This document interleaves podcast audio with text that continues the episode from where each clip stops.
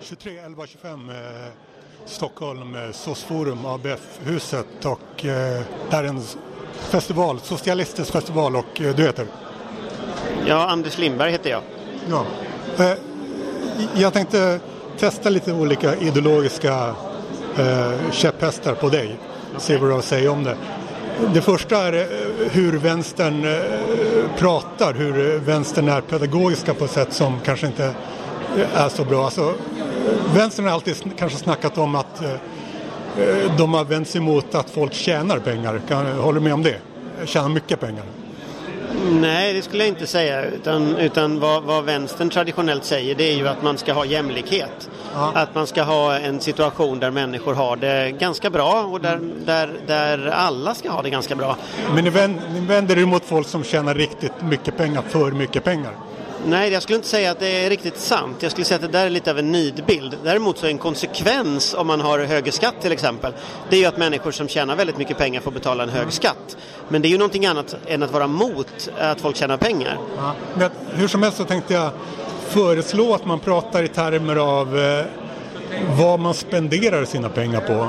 För det är ju det som, det är, det, eh, det är där det makten antingen utövas på ett eh, negativt eller positivt sätt. Men man, det, kan, det skulle i teorin kunna finnas en miljardär som först tjänar pengarna och sen lägger allt på den eh, socialistiska kampen. Ja, jag skulle nog säga att jämlikheten är ett värde i sig. Eh, det vill om, säga att det inte ska vara för stora skillnader i ett samhälle.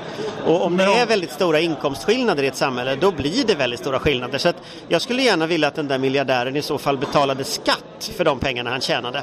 Det blir lite mer, om man först tjänar riktigt mycket pengar så lägger de på eh, vänsterrörelsen i allmänhet.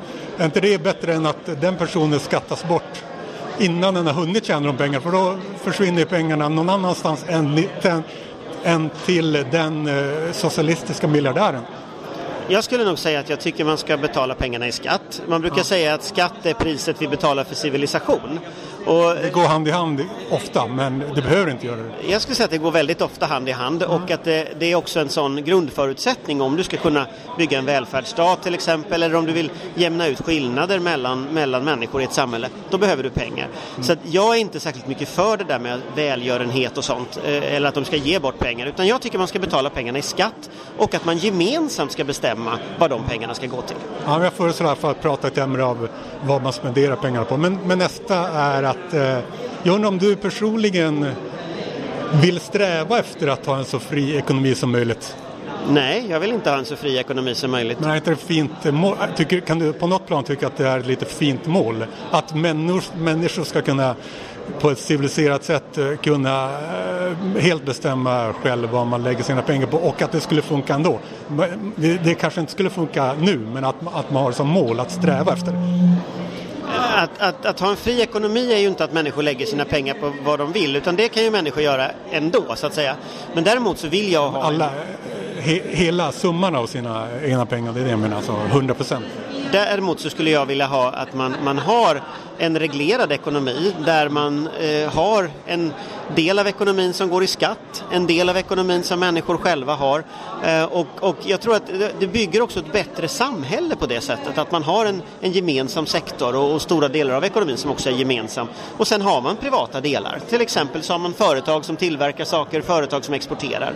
Och, och, och den här kombinationen, förr kallade man ju för blandekonomi. Eh, Tage Danielsson var rolig och kallade det för iblandekonomi. Kallar man inte det fortfarande för?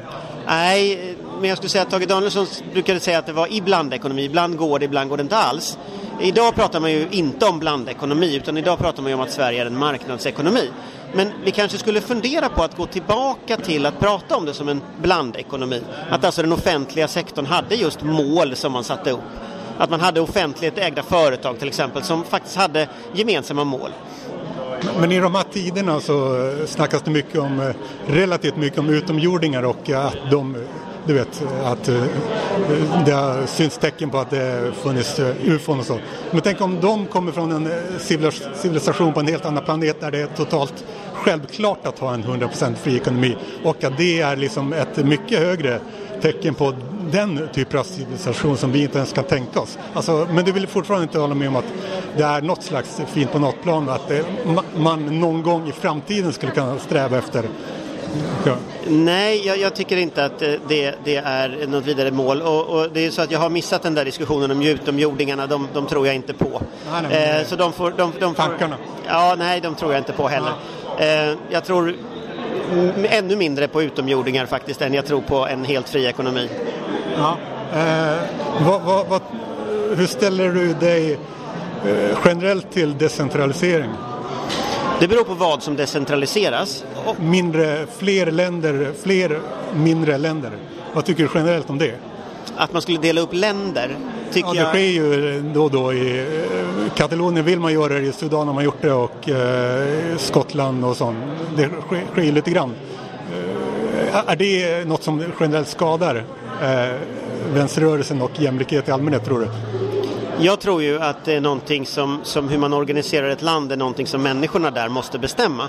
Mm. Eh, vad jag inte tror på är att dela upp länder på något sätt utifrån eller med tvång utan det är någonting som mm. i så fall man får göra på demokratisk väg i de länderna. Mm. Sen är jag ju anhängare av en, en, Europeisk union där vi snarare slår ihop länder eh, och samarbetar mer. Så skulle jag själv bestämma inriktningen så är det ju snarare att man slår ihop länderna till större enheter som i EU till exempel. Och det ser du som en vänsterståndpunkt kanske? Det ser jag absolut som en vänsterståndpunkt. Eh, idag är ekonomin global och, och, över alla gränser. Det är klart också politiken behöver vara i allt större utsträckning organiserad. Annars så kommer ju ekonomin att styra allt och det vill inte jag. Men, men vad, hur känner du inför möjligheten att vänsterrörelser i många länder, vänstermänniskor i många länder förenas i ett enda land, till ett, ett enda socialistiskt land utifrån ideologi. Att folk flyttar till ett sådant socialistiskt projekt istället för att bli tvingade in i det som det var, har varit fallet hittills. Eh, eh, ser du några möjligheter eller hur tror du det hade gått? Det där låter ju som en sån här liten utopistisk socialistisk idé, alltså den utopistiska socialismen före före marxismen och före på något sätt den moderna vänstern. Jag tror inte riktigt på sånt. Jag är väldigt lite utopiskt lagd utan jag tror ju på reformer i länder eh, steg för steg.